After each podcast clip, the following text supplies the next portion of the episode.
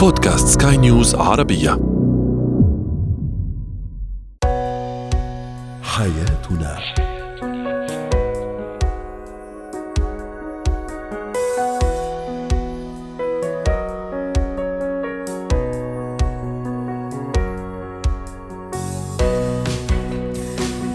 الكرام أهلا بكم معنا إلى حياتنا فضاؤكم اليومي الذي يعنى بشؤون الأسرة وباقي الشؤون الحياتية الأخرى والذي يمكنكم الاستماع إليه عبر منصة Sky News dot com slash podcast وباقي منصات سكاي نيوز عربيه الأخرى. شاركونا عبر رقم الواتساب 00971 ثلاثة. معي أنا ابتسام العكريمي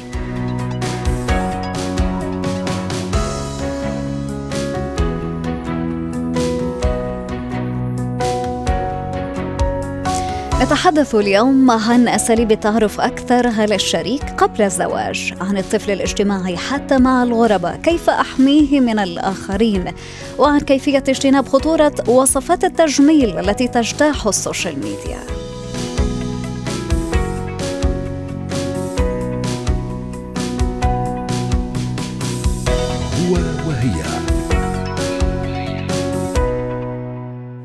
عند بناء مؤسسة زواج ناجحة لابد أن يتعرف أي ثنائي على الطباع الحقيقية والتلقائية غير المنمقة وغير الملونة والتي نراها مثلا عند البعض في فترة الخطوبة أو غيرها عند البعض.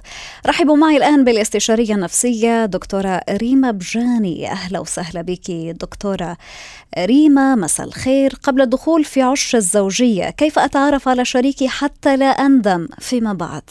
صحيح. أول شيء ابتسام اسمحي لي على نقطتين أساسية قبل ما نحكي عن هذا الموضوع تفضلي. بإجماله يلي هي أول شيء العلاقة لها كثير جوانب. يعني نحن وقت نفوت بعلاقة في الاهتمام في المسؤولية في الطموح في طريقة التفكير يلي كل إنسان بيجيبها معه من بيئته من طريقة آه، تربيته واكسترا وعندنا من ميله ثانية نحن اليوم عم نحكي أكيد عن الأشخاص يلي بدهم يبنوا علاقة جدية وصلبة. هون بتختلف لأن بتعرف هن déjà عندهم افكارهم المغلوطة عن الزواج extra هذا غير موضوع. عنا أشخاص وبيكونوا كمان هون اسمحي لي بعد فكرة. نعم. يمكن عندهم هن خبراتهم عندهم هن خوفهم. فاذا بالأول نحن اليوم بدنا نكون عم نحترم هالشخصية اللي عم تجي من البيئة في اثنين هيدي إذا بدك الجدية بالتعاطي بالموضوع لأنه عن جد العلاقات بدها كثير جدية. ما نخاف إنه نحن اليوم آه، آه، شو معقول يكون بده يصير. فيها تكون عائق كثير كبير وأكيد نحن اليوم ننطلق ب إذا بدك آه، رحلة التعارف إذا فينا نقول. هون السؤال الاساسي أنا اليوم شو يعني رحلة التعارف؟ بتعرفي أوقات كثير أول الفترة أو خلال الخطوبة يمكن بنستحي أو ما بنحب نسأل أو اكسترا يمكن أول شيء بقوله ابتسام نحن اليوم ما نخاف نسأل. نعمل تحقيق أكيد. هي أصلا الخطوبة يعني تسمى فترة التعارف المفروض بين الثنائي 100% وشو يعني تعارف؟ هون إذا بدك رح نوضح ما معنى. أنا شو يعني بدي أتعرف على الشخص الثاني؟ بدي أتعرف عليه اللي أنت بالأول جوانب شخصيته تفكيره طموحه وحياته اليومية. هون بقول لهم أنا على الأكيد أول شيء مثل ما قلت إنه نحن اليوم نسأل الأسئلة كلها بطريقة آه، أكيد لذيذة بس مش منمقة مثل ما قلت قبل شوي. أنت ابتسام نحن اليوم ما فينا نستحي بالضبط. ما فينا نخاف. ما فينا نكون هلا أكيد الأول بنكون مغرومين شايفين هذا الشخص مش مصدقين بس ضروري نتفاعل أكثر اثنين اتعلم هو شو بحب آه أتعرف على آه اهتماماته أو اهتماماتها. آه روح برم اعمل مثل search إنه برم انه أنا شو هذا الشيء اللي بحبه. ثلاثة اكتشف معه الحياة اليومية. بال limits اللي بدنا إياها. يعني حتى أنا هيك بروح بالأمور شوي كثير تفاصيل. إنه يمكن روح معه اعمل سوبر ماركت أو شوف مثلا شو بيعمل بالحياة أو والعكس تماما أكيد روح معه. روتين الروتين اليومي الخاص بهذا الشريك. ربما يعني ندخل شوي بحياته الخصوصية يعني بشكل طبعا بحدود. حضرتك دكتوره نعم. ريما ذكرتي منذ قليل في بداية الحديث ذكرتي الاهتمام. اليوم نحن آه، قد نلاحظ إنه وجود هذه الظاهرة في في المجتمع. يعني مثلا في فترة الخطوبة يكون آه، الشريك يهتم آه، بشكل يعني فوق الطبيعة وبشكل مبالغ فيه ربما لدرجة إنه الشريكة تقول إنه هذا هو فتى أحلامي والعكس صحيح. بعد الزواج يقل هذا الأمر. لماذا وما علاجه؟ كيف أتعامل مع هذا الأمر حتى لا أواجه نفس المصير بعد الزواج؟ صحيح. هلا أول شيء في أمور طبيعية مثل ما إحنا بنقول إنه كل شيء بعده جديد لما نحطها بهذا الإطار بنكون كثير بعد عنا رغبة كثير قوية رغبة كثير قوية واهتمام كثير عالي وهون بتختلف أكيد بين الأشخاص. بس نحن عم نقول اللي كثير بنقول عطى هالاهتمام الزائد لأنه محمس. كمان في هذا اليوم في نحن انفعالات بنتعامل معها ايموشنز هي بتخلينا كثير عم نكون عم نعطي. طيب هل هل هذا الحماس بعدين يقل مثلا؟ وما أسباب إنه ما الأسباب التي تجعل هذا الحماس يقل؟ صحيح فاذا أول شيء كمان طبيعتنا بعد الزواج وشوي هيدي من الأمور إذا بدك هيك الموروثه وبلشنا بركي نطلع منها شوي إنه بيعتبروا كأنه الزواج هو خلص خلصنا شغل هلأ زوجنا فتنا بروتين الحياة ما بقى لازم أعمل أنا مجهود هلأ كمان بدي نفهم غلط الجهد يلي بدي أعمله مش بطريقة إنه أنا اليوم عم بتعب. لا مثل كل شيء بالحياة تحافظ على شغلي تحافظ على علاقاتي مع الناس صحتي كمان الزواج عايز هيدا الجهد الإيجابي إنه أنا اليوم ضل أعطي وما أترك حالي. إذا بدك الكلمة اللي مهمه تفهم نحن اليوم بيتركوا حالهم بعد الزواج بيعتبروا خلص نعم. على اللي بدنا إياه بطريقة إيجابية. نحن ما عم نقول إنه بطريقة غلط. بيعتبروا إنه هذا هذا هذا الزواج أو هذه المؤسسة خلص مضمونة وهذا غلط طبعا. يعني ما بعرف إذا حضرتك بتوافقيني الرأي. أكيد. وهو رح اشرح ليه؟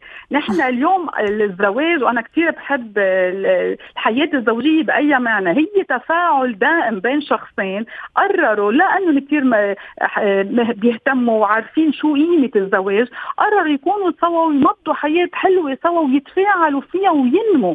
so أنا اليوم وقت في تفاعل ونمو ما لازم نقف.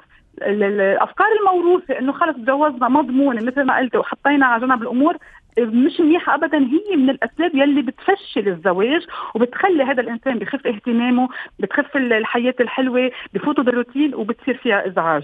so مشان هيك نحن اليوم الجهد اللي بحطوه قبل الزواج لازم يكمل بغير أطر أكيد. اليوم صرنا نعرف الشريك أكثر عرفنا اهتماماته عم نشاركه هذه الاهتمامات وعم ننطلق بالحياة وبنصير عمر ولكن بعد العمر بالأحرى. كل ما ننمى ونكبر عم نكتشف إشياء جديدة وفينا نكون عم ننمى فيها. أكثر كرمال ما نندم وتصير الحياة أحلى. وهون إذا بدك النقطة الأساسية كل إنسان بيشتغل بهالطريقه بصير حياته الزوجية أحلى مع مشاكلها. هون خلينا نكون كمان واضحين إنه أكيد الحياة فيها مشاكل ساعتها نقدر نتخطاها طبعا المشاكل ملح ملح الزواج مثل ما يقال ولكن طبعا المشاكل الطفيفة يعني البسيطة يلي ممكن إنه تتعالج مش المشاكل غير قابلة للعلاج.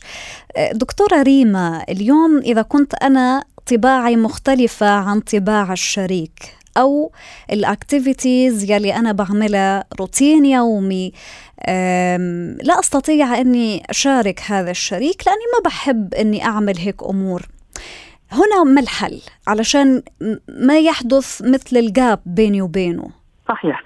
مثل ما كنا عم نقول وقتها اتعرف عليه قبل الزواج من ضمنها كل ال interests كل ال activities كل الأشياء اللي بحبها بالحياة أو بتحبها. هون من هاللحظة بدنا نبلش لأنه كمان مثل ما حكينا عن الاهتمام قبل شوي أوقات وشوي غلط ليه؟ بيعملوا شوية effort بيعملون غصب عنه أو غصب عنها بعدين بتكون مجاملة. بتحكي عنه. مية بالمية. مش لازم. نحن اليوم لازم نكون عم نحن كمان مرتاحين مع حالنا لأنه العلاقة الاهتمام يبقى بعد الزواج. أنا بدي أكون كمان مرتاحة مع حالي وملاقية حالي بهذا الزواج. okay؟ فإذا أول شيء نكتشفهم. محل ما بنلاقي قادرة أنا يمكن أنا هال activity ما بعرفها اكتشفت إنه عن جد أنا كمان بحبها بفوت بهذه القصة. رح نلاقي سوا common ground أنا بسميه إنه اليوم أنا بمحلات قادرين نكون سوا. ومش غلط إنه كل إنسان يكون عنده هو هيدي ال espace libre إحنا بنسميها. إيه، مساحة له عم بيعمل أشياء بحبها لو الشريك ما عم بيشاركه بها بس أكيد عم بيشاركه بأشياء ثانية مشان هيك؟ نحن اليوم ال investment اللي بنعمله الاستثمار بالعلاقة ما ضروري كمان يكون 100% 100% أنا والشريك كل الوقت. يلي كمان ما في يكون هالقد healthy حلو يكونوا عم بيتشاركوا بكثير أشياء بس ببعض الأحيان حلو نخلي part صغيرة لكل شريك هو يكون عم بيقوم فيها. مثلا إذا بحب ال football في رح أحضره مرة مرتين. إذا ما كثير بحب في ما بقى أروح بس يكون عم بيشاركني بغير activities عم شاركه بغير آه، آه، نشاطات. في ما أروح ولكن ممكن إني أجيب له مثلا آه، شيء خاصه بال بهي الرياضة أو بال football. ممكن مثلا socks أو حيلا تعبير. ممكن إنه يحسس هذا الشريك أو حامل الساق أو ما إلى غيره. فيه إنه يحسس هذا الشريك إنه أنا مهتمة فيك حتى لو ما كنت معك. صحيح؟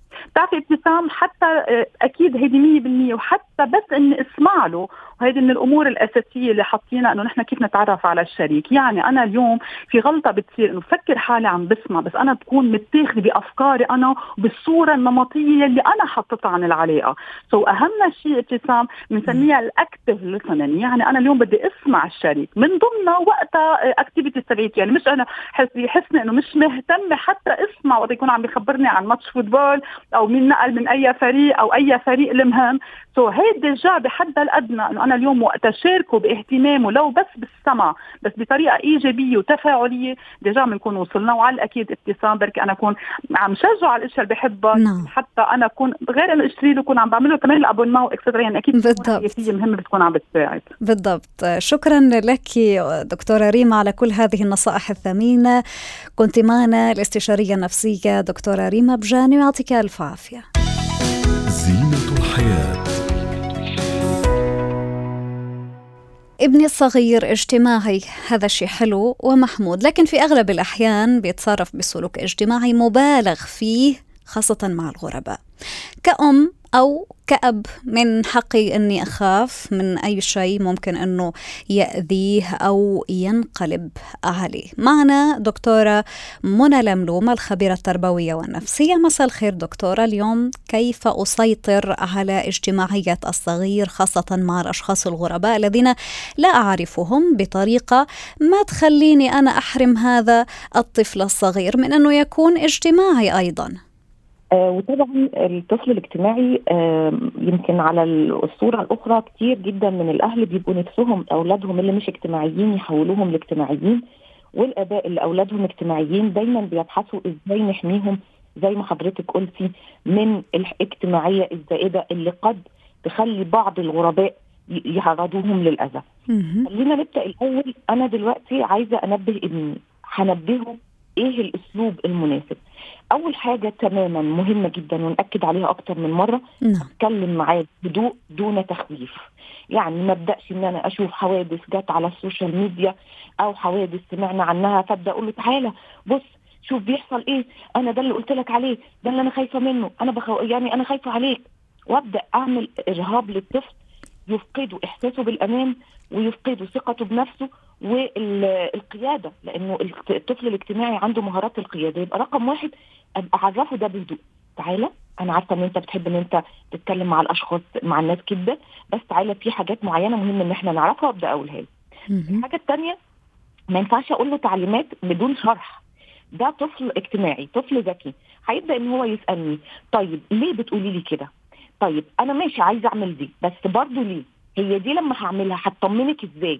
ويكون بالي طويل إن أنا أشرح له لأنه الشرح ده لما هو هيقتنع بيه هيبدأ يطبق عن اقتناع وعن ارتياح وأنا نفسي هكون مطمنة إن المعلومة دخلت لراسه بالشكل الصحيح مش سمعها من هنا زي ما بنقول وطلعها من الودن الثانية في أشياء أو في بعض الأمور اللي قد يكون من الصعب شرحها من قبل الآباء أو الأمهات في سن معين للطفل هل في هذه الحالات أو في هذه الأحيان ممكن أنه مثلا نستعين بقصة من قصص الأطفال أو بمثل أو بحكاية معينة علشان نوصل المعنى لهذا الصغير؟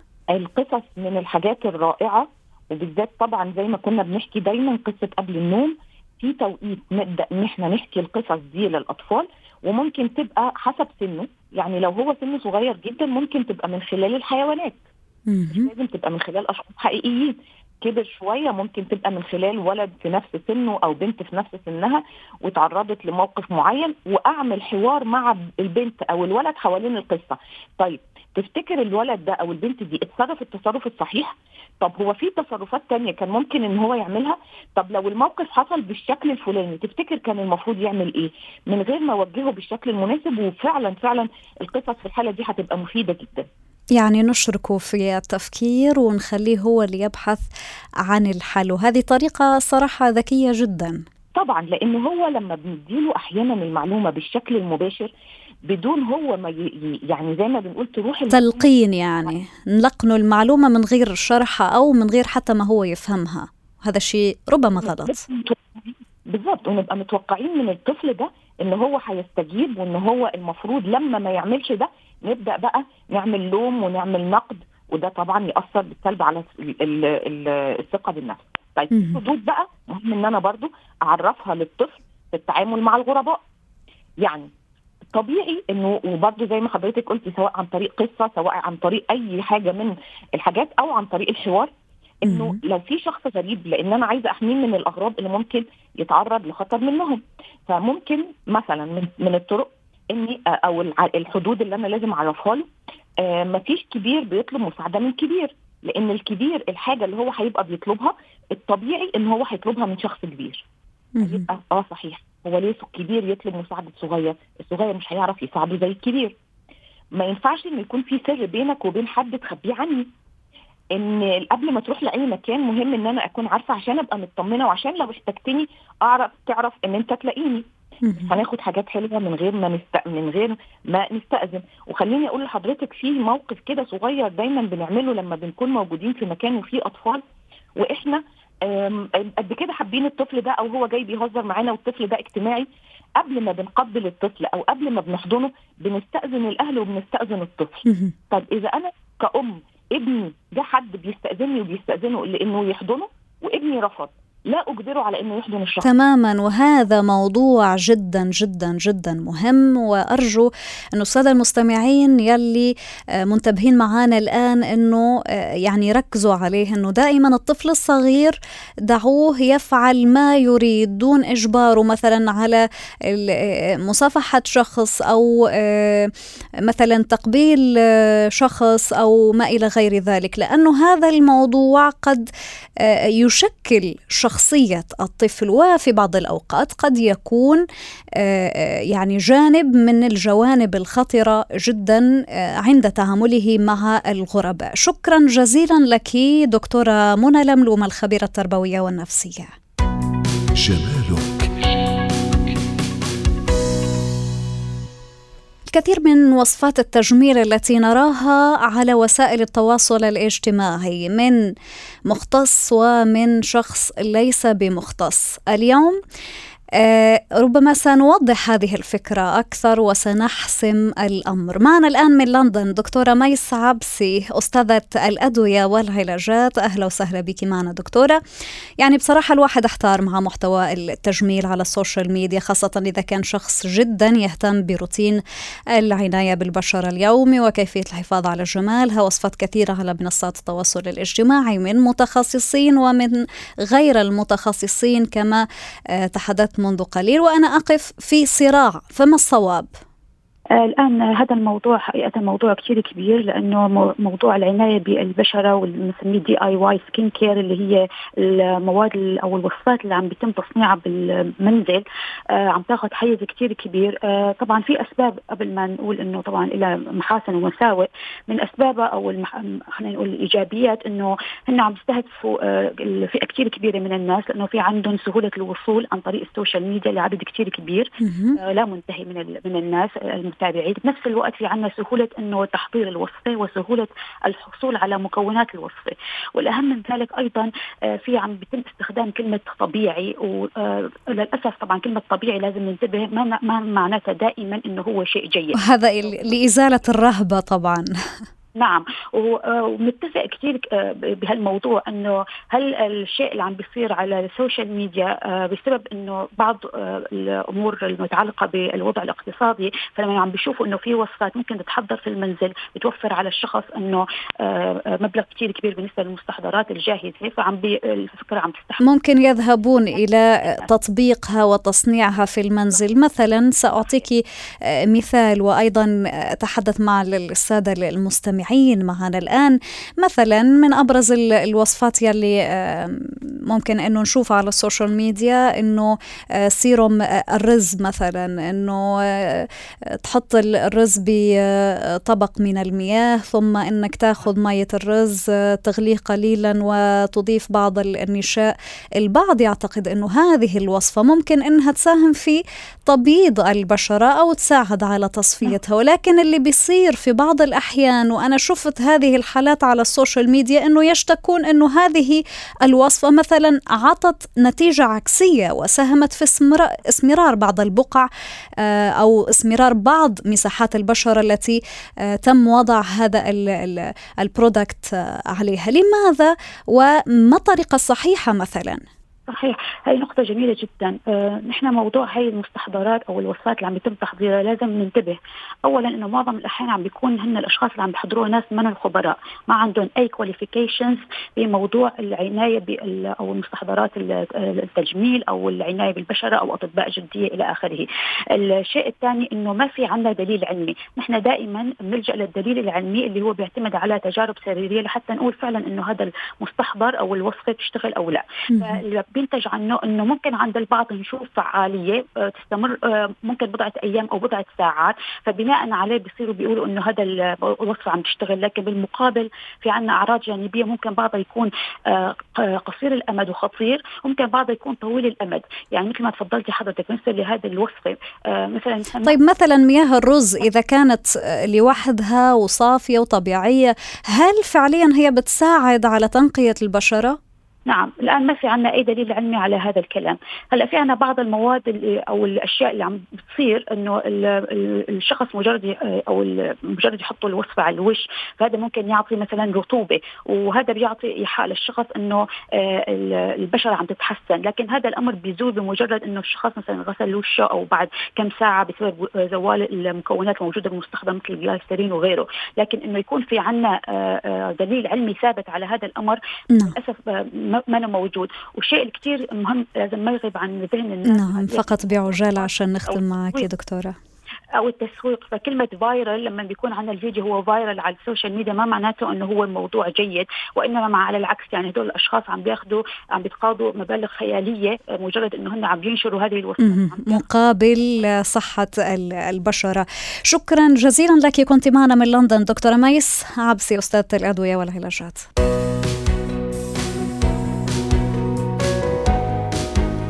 وصلنا معكم إلى ختام هذه الحلقة من حياتنا. شكرا لكم على طيب الإصغاء.